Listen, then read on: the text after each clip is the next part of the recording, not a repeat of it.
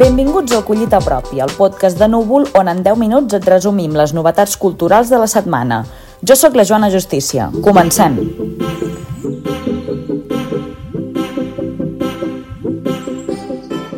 Aquesta setmana Bernat Puigtovell ha entrevistat Maria Climent, autora de Mai és una paraula molt lletja, una història d'infertilitat, editat per Ara Llibres, on l'autora comparteix la seva llarga travessia fins a la maternitat, amb una crònica sòbria i commovedora.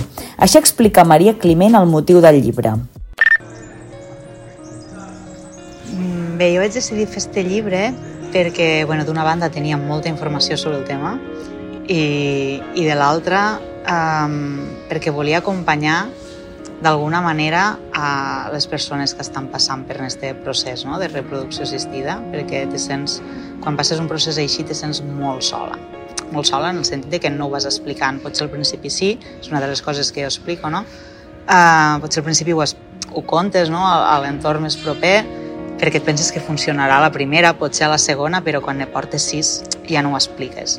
I sí, bueno, com dies, és un llibre que està mig camí entre l'assaig i, i la narració personal. És interessant també escoltar l'opinió de l'autora en relació a com l'avortament no té cabuda en la societat. Claro, les condicions laborals, vull dir, sent autònoma o sent assalariada, vull dir, si tu has tingut un avortament, eh, has de continuar treballant. Dir, no et pots prendre una setmana per a refer-te una mica, no? Vull dir, pots estar sangrant al matí i, i, i continuar treballant a la tarda i no, aquí no passa res, per més malament que et trobes, no? Um, en aquest sentit, eh, claro, la, la societat no, no ajuda gens, vull dir, és un tema que no, és com si no existís, no? Que els ho passa a les dones per dins, és com si no, com si no hi fos. I després ja per no parlar del tema de, de, bueno, de la, la davallada de, de la fertilitat a partir dels 35 anys. No us perdeu l'entrevista. Montserrat Dameson publica aquesta setmana La millor clívia del jardí, un article situat al jardí de l'Ateneu barcelonès, que diu així al voltant de les clívies hi balla tot el que no és transcendental, excepte un noi que és quiet com elles. S'instal·la sempre en una taula diferent i sempre hi treballa en silenci, com si hagués entès a la primera què li és important. Ni la fatxanderia ni les vanitats que l'envolten li fan aixecar les celles de la pantalla. Mentre la resta fumen puros i s'enfoquen a performar destiladament el seu personatge, el noi barena dònuts i exhibeix una concentració inapel·lable. Si us heu quedat amb ganes de més, no dubteu en llegir-lo a núvol.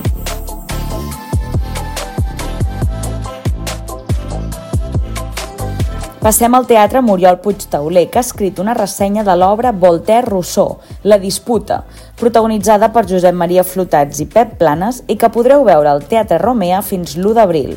L'autor descriu l'espectacle com una vetllada de teatre filosòfic i francòfil, tertúlia reposada del segle XVIII.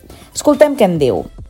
Enflotats no venia a actuar a Catalunya des de l'any 2015 i protagonitza juntament amb Pep Planes una obra totalment francesa de Jean-François Prévent que reuneix els dos filòsofs francesos més importants del segle XVIII. Es tracta d'una vetllada de teatre intel·lectual, però per tots els públics, plenament francès en una obra que reivindica la cultura i la civilització com un dels béns més grans de la humanitat. A més, suposa veure un flotats en plena forma, amb 85 anys, amb un estat físic i de salut envejable, amb una gran nit de teatre. Per tant, ja ho sabeu, Voltaire, Rousseau, al Teatre Romea. Oriol Puigtauler destaca l'article que no veiem actuar Josep Maria Flotats a casa nostra des de ser-ho o no, per acabar amb la qüestió jueva, muntatge que es va estrenar el 2015 al Teatre Lliure de Gràcia i que va girar posteriorment per Catalunya. Així viu l'actor la seva tornada. És, doncs, emocionant per mi venir aquí després de tants anys. Em sento molt honorat pel tracte rebut. Alhora tinc ganes de dir que em sento orgullós de poder encara fer el meu ofici defensant no solament el teatre que m'ha format i el teatre en el que crec, teatre d'art, teatre en majúscula, de poder, a més a més de ser teatre d'art, ser teatre de reflexió indispensable en la societat en què vivim.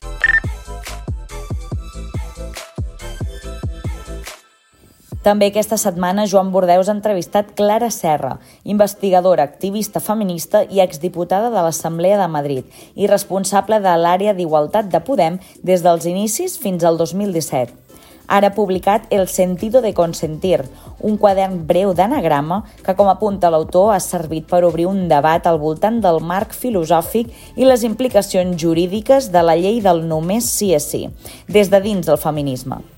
A l'entrevista, Clara Serra qüestiona que el concepte del consentiment sigui tan clar i irrefutable com sembla. Quan Joan Bordeus li pregunta de quina manera el marc del consentiment afirmatiu perjudica les dones, ella respon el següent. Si hi ha una situació intimidatòria i amenaçadora, no es pot dir que sí.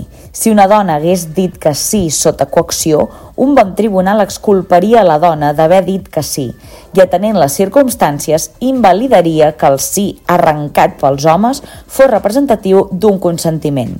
No es tracta d'escollir entre un no i un sí, no depèn del que digui la dona, sinó de si el món, el context, té les condicions perquè el consentiment sigui vàlid o no. No deixeu escapar l'entrevista.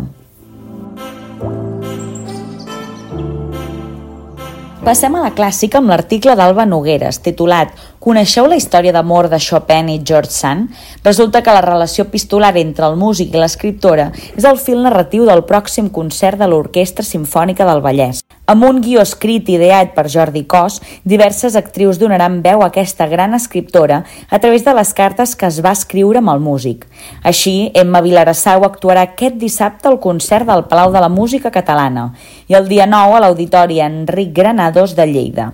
I també Elisenda Roca actuarà el dia 8 a la Factoria Cultural de Terrassa. Alba Nogueres ens explica per què no ens hauríem de perdre l'actuació recomano que vingueu a aquests concerts de l'Orquestra Simfònica del Vallès, tant persones que puguin estar interessades en la música, que siguin més melòmanes, com aquells interessats en el teatre, perquè justament doncs, aquesta proposta combina aquests dos llenguatges. Uh, descobrireu la història d'amor entre Chopin i George Sand, per tant també pot interessar a Lletra Ferits, Um, I a més a més doncs, descobrireu a una jove promesa, Anthony Ratinov, que va guanyar el concurs internacional de piano Ricard Vinyes. Una molt bona proposta per aquests dies de març.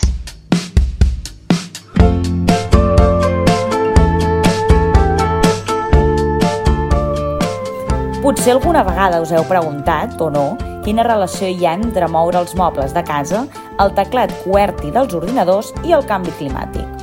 Bernat Romí ens ho explica. Podem canviar la distribució de mobles de la sala de casa, però canviar la distribució de les lletres del teclat QWERTY costa molt més, perquè depèn de molta més gent. I el teclat QWERTY no és la solució òptima, però anem tirant.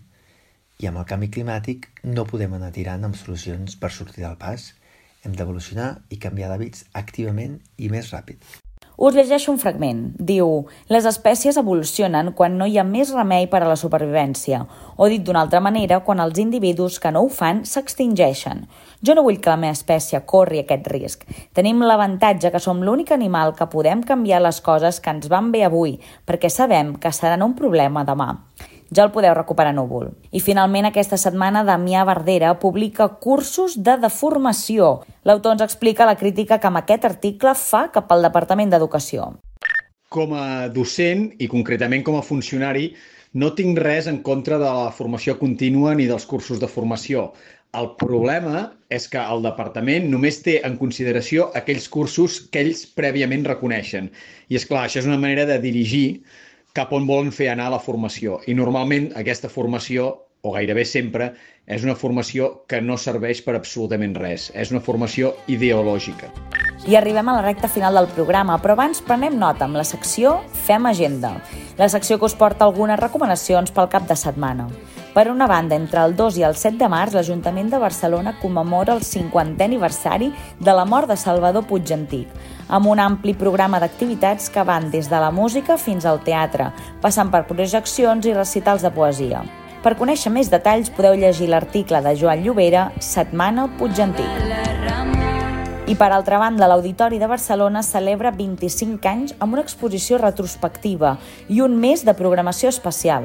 Aquest divendres s'inaugura el Festival Subsònic, una nova proposta de caràcter multidisciplinari on la música electrònica serà vehicular i pocs dies més tard, el dissabte 9 de març, s'obrirà la sala Pau Casals a tothom que hi vulgui anar.